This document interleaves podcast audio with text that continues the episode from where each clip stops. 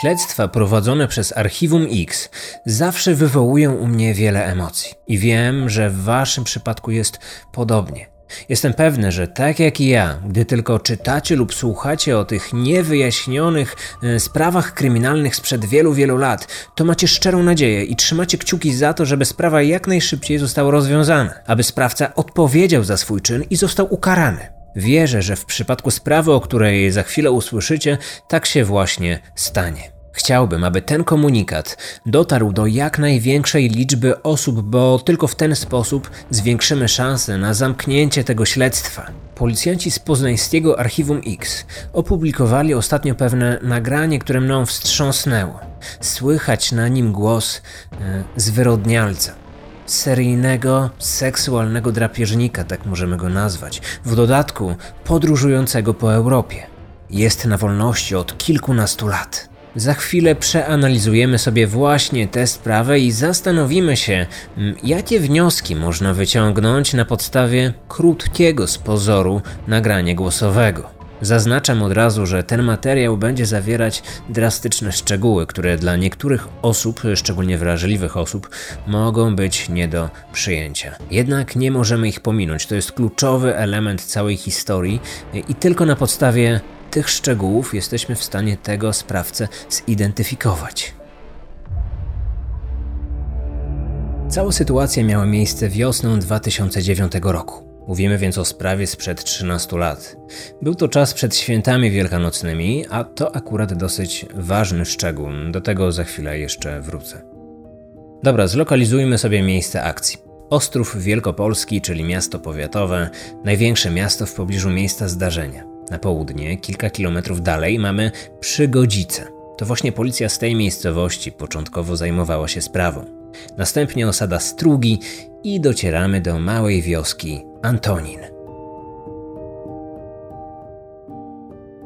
Pewne dwie koleżanki, nastolatki, po skończonych lekcjach e, wybrały się wspólnie na dwór, chciały trochę pobiegać, czy chciały pójść na spacer. W domu zostawiły swoje plecaki i ruszyły w długą. Zakładam, że każdy z nas miał w dzieciństwie takie hmm, miejsce, trochę tajemne miejsce, do którego e, chodziło się z kolegami, z koleżankami i w którym spędzało się wspólnie czas. E, w zależności od tego, gdzie mieszkaliście, to mógł być, nie wiem, trzepak pod blokiem, to mogła być jakaś ławka w parku, jakiś e, opuszczony budynek na obrzeżach miasta. Ja też pamiętam takie miejsce u siebie. Akurat spędzałem dzieciństwo w różnych miejscowościach, ale w każdej z nich miałem taką miejscówkę, którą po latach na pewno wspominam. I lokalna młodzież z okolic Antonina, przynajmniej w tamtym czasie, nie wiem jak jest to obecnie, no ale kilkanaście lat temu, oni też mieli taką e, swoją miejscówkę. To był stary budynek, niewielki betonowy bunkier, zlokalizowany właściwie w samym środku lasu. Znajduje się jakieś pół kilometra od drogi krajowej 25. To miejsce po latach odwiedzili poznańscy policjanci. To właśnie od poznańskiej policji otrzymałem nagrania, na których dokładnie widać cały teren i z powietrza, i z lądu. Ten stary bunkier jest przerażający. Przyznajcie, wygląda jak budynek z horroru, szczególnie jeżeli zna się jego historię. Z góry, w tych nagraniach z drona, praktycznie w ogóle go nie widać, podobnie jak z większej odległości, jest cały zarośnięty trawą. Do tego miejsca wcale nie jest łatwo dojechać samochodem. No okej, okay, można próbować, ale po pewnym odcinku przebytej trasy to dalsza jazda może grozić zerwaniem zawieszenia. Miejscówka jest dobrze znana lokalnym mieszkańcom, ale dla kogoś spoza tej okolicy może być trudna do odnalezienia. Dziewczynki po krótkim spacerze dotarły właśnie do tego miejsca. Tam później mieli do nich dołączyć także inni znajomi. Były tam same. Wchodząc do tego starego budynku, nie widziały nikogo w okolicy. Spędziły w tym bunkrze trochę czasu. Nie jest tak, że to, o czym za chwilę opowiem, wydarzyło się od razu po tym, gdy weszły do środka. Nie, trochę tam posiedziały, może kilka, może kilkanaście minut. Z drewna, z desek, z jakichś pustaków, które tam wtedy znalazły, zrobiły sobie nawet jakieś siedziska, jakiś stoliczek, po to, aby przyjemniej mm, i ciekawiej spędzić nadchodzący czas. W pewnym momencie jedna z tych dziewcząt zauważyła w drzwiach tego budynku ciemną postać człowieka. Na początku dziewczynki y, nie przestraszyły się za bardzo, no bo czekały na swoich znajomych, więc myślały, że to po prostu jeden z kolegów pojawił się w umówionym miejscu. Jednak po chwili zdały sobie sprawę, że to nie jest żaden ich znajomy, to był ktoś zupełnie obcy. W tych drzwiach stał nieznany, nagi mężczyzna. Na głowie miał założone e, majtki, przez co jego twarz nie była widoczna. Zagrodził im drogę do wyjścia. Dwie koleżanki były w pułapce. W środku było niewiele miejsca. Do wnętrza prowadzą tylko jedne drzwi. To jedyna droga ucieczki. I w tych właśnie drzwiach stał nagi zwyrodnialec. Słuchajcie, gdy wyobrażam sobie tę sytuację, gdy myślę o tym w połączeniu z tymi przerażającymi ujęciami z tego miejsca, y, no nie będę oszukiwać, mam po prostu dreszcze. Te dziewczyny były zamknięte w środku lasu, właściwie nie miały szansy na pomoc, mogły krzyczeć, ale w dookoła nie było żadnych zabudowań, więc jeżeli ktoś jakimś cudem przypadkowo nie przechodził w okolicy, nie spacerował z psem czy cokolwiek innego, no to nikt nie mógł ich tam uratować. Napastnik był od nich silniejszy i większy. W dodatku one były przecież przerażone. W takich okolicznościach trudno o racjonalne działanie. Strach często jest dla nas kompletnie paraliżujący. Jednak jedna z dziewcząt podjęła bardzo odważną decyzję. Zdecydowała się na to, aby wyciągnąć z kieszeni telefon potajemnie, wykorzystując moment nieuwagi tego napastnika, no i wybrała numer alarmowy. Oczywiście nie była w stanie opowiedzieć dyżurnemu o tym, e, co się dzieje, nie była w stanie wezwać pomocy. Ten napastnik stał pewnie zaledwie kilka metrów dalej, więc od razu wytrąciłby jej ten telefon z ręki, jeżeli zaczęłaby relacjonować to, co się e, dzieje. Wykonanie takiego połączenia mogło go przecież dodatkowo zdenerwować. Nie wiemy, jak by się zachował. Mimo wszystko dziewczynka postanowiła spróbować. Wiedziała pewnie, że to jedyna szansa na ratunek. Sprawca nie zdawał sobie sprawy z tego, że jego słowa, że rozkazy, które kieruje w, do tych dwóch dziewcząt, są nagrywane. Całe połączenie było rejestrowane przez system. Oto ten zapis.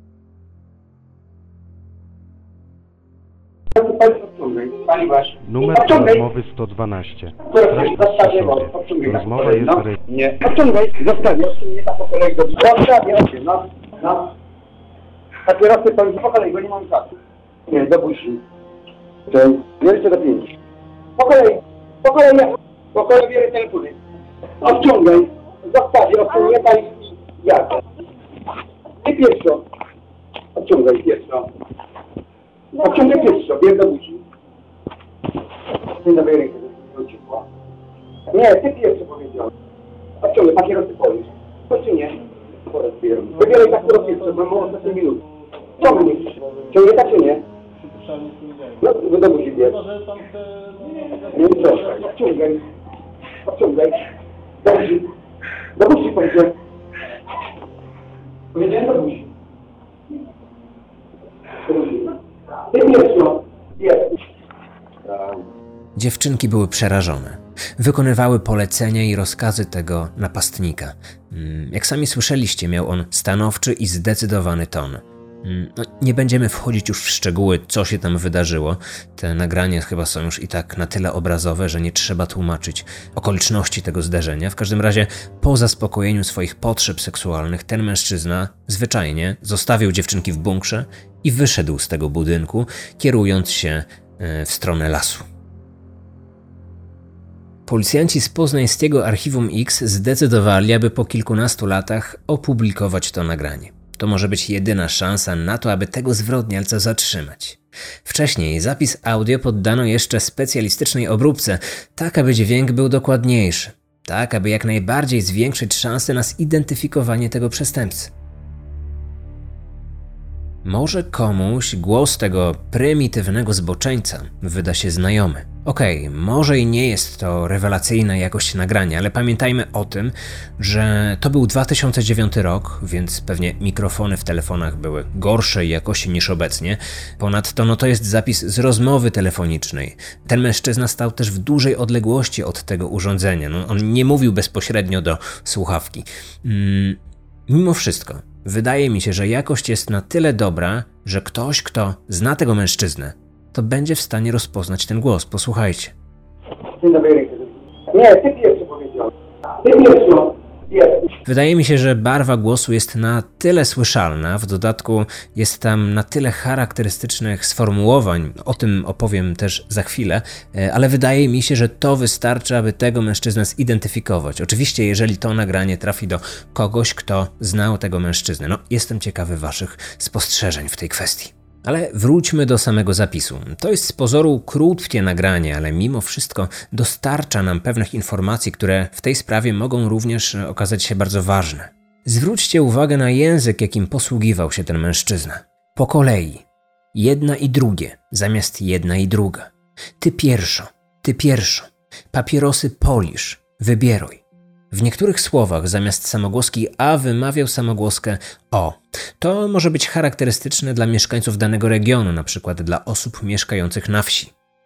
Ponadto niektóre z tych słów też są wypowiadane w jakiś taki nietypowy, charakterystyczny sposób. No, na pewno zwróciliście na to uwagę. Ze słownictwa, którym się posługuje, możemy chyba wnioskować, że nie jest to człowiek e, inteligentny, a już na pewno nie jest to osoba wykształcona. To też ważne wskazówki. Prymitywna postać, prosty mężczyzna posługujący się ordynarnym słownictwem. Przynajmniej taki obraz tego człowieka kieruje się przed moimi oczami, gdy słucham tego nagrania, gdy wyobrażam sobie tę sytuację.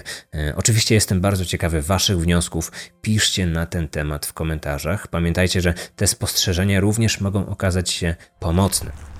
To nagranie musi dotrzeć do odpowiedniej osoby, która znała tego mężczyznę i skojarzy go po głosie, akcencie lub charakterystycznie wypowiadanych słowach.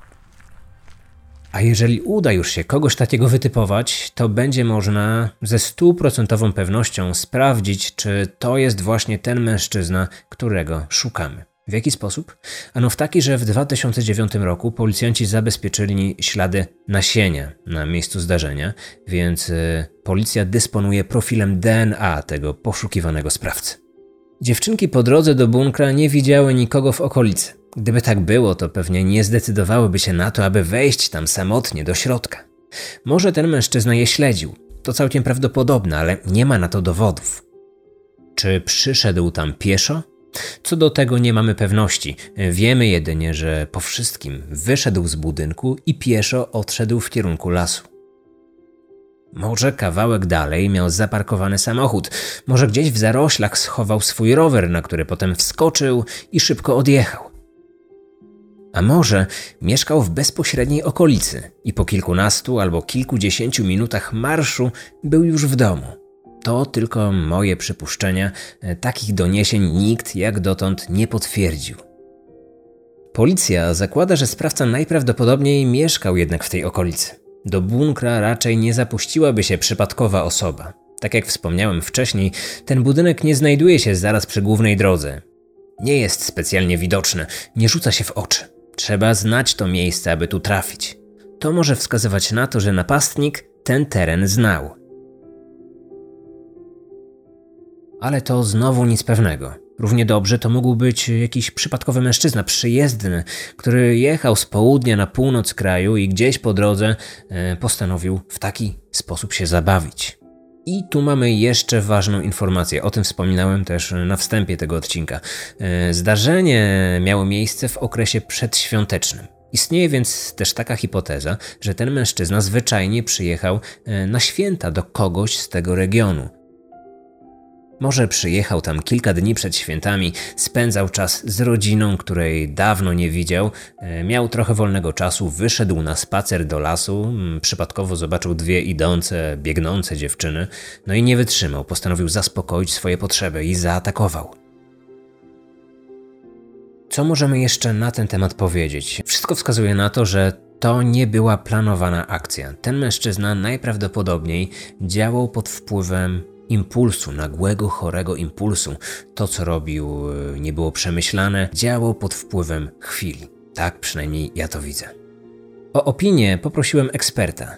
Wojciech Oronowicz-Jaśkowiak, psycholog, seksuolog, biegły sądowy. Tego pana możecie kojarzyć e, innymi z moich audioseriali, w których również komentował omawiane e, sprawy. Po odsłuchaniu tego nagrania na myśl przyszły mi dwie rzeczy. Pierwsza rzecz jest taka, że na początku słychać, jak ten mężczyzna zwraca uwagę na to, że te dziewczynki paliły papierosy. I on tego co prawda nie mówi wprost, ale to brzmi trochę tak, jakby on chciał wykorzystać tą wiedzę do tego, żeby je zaszantażować. Tak na takiej zasadzie, że ja wiem, że palicie papierosy, no to teraz zróbcie to, co wam każę, bo inaczej powiem o tym na przykład waszym rodzicom. Jeżeli by tak w istocie było, to oznaczałoby to również, że miejsce dokonania tego czynu nie było wybrane przypadkowo, tylko ta osoba doskonale wiedziała, że może tam znaleźć dzieci, młodzież, które palą papierosy i w ten sposób ich dalej szantażować. Druga rzecz, która zwróciła moją uwagę, to jest to, że być może z pewnego powodu ten mężczyzna tak usilnie dążył do podjęcia kontaktu oralnego z tymi dziewczynkami, co mogłoby sugerować to, że występują u niego jakieś zaburzenia seksualne, przykład zaburzenia erekcji. To jest tylko hipoteza, ale mogłaby stanowić punkt wyjścia. Jak dowiedziałem się od poznańskich policjantów e, wtedy, w 2009 roku, w okolicy tego miejsca zdarzenia, o tej sprawie było naprawdę bardzo, bardzo głośno. E, policjanci robili wtedy wszystko, aby tę sprawę rozwiązać, aby tego napastnika schwytać.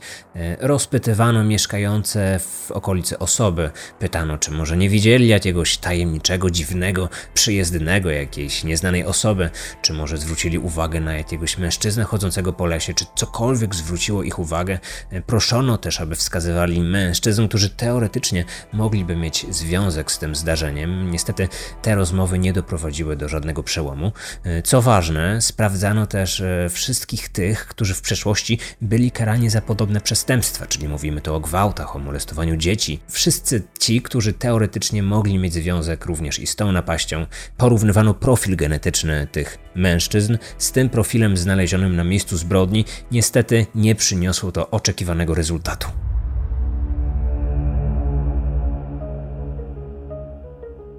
aż w końcu pojawił się przełom. Profil genetyczny tego mężczyzny, który został zabezpieczony na miejscu zdarzenia, został wprowadzony do takiej policyjnej bazy danych DNA.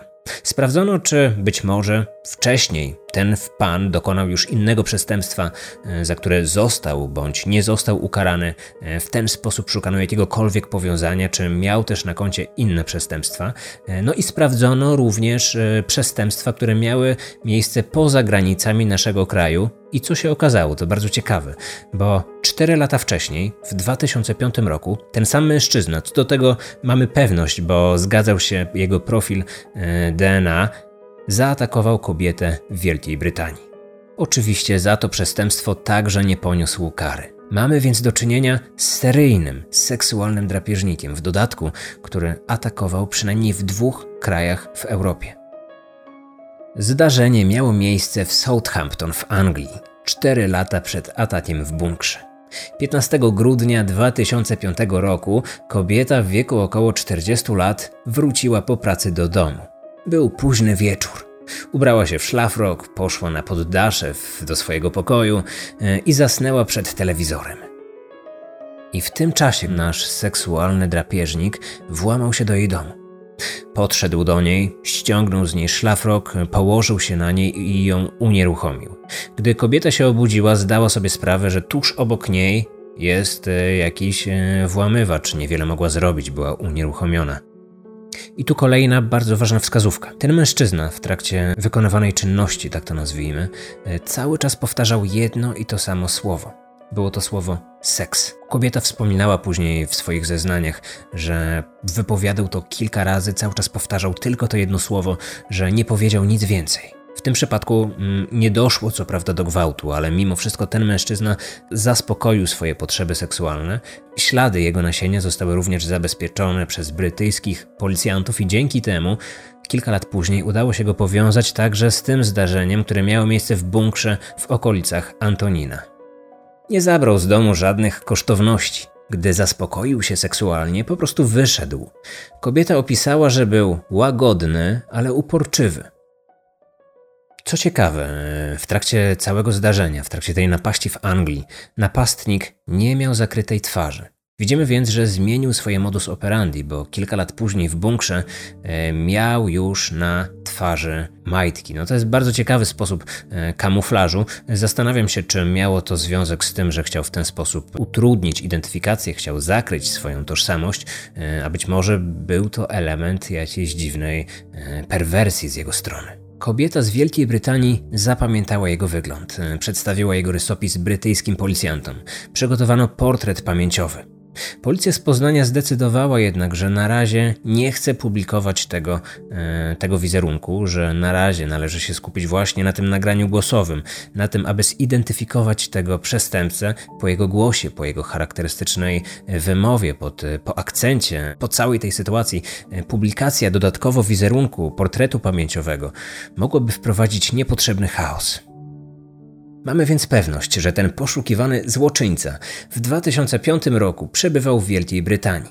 Najprawdopodobniej był tam w celach zarobkowych. Wiecie, to były lata, kiedy Polacy masowo wyjeżdżali za chlebem za granicę.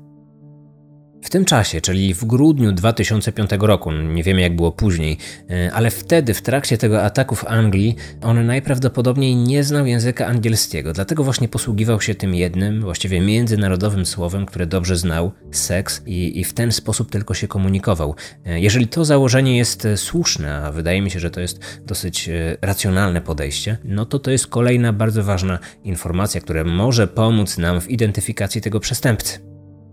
Od 2009 roku nie pozostawił już po sobie żadnych śladów. Nigdzie nie zabezpieczono jego profilu.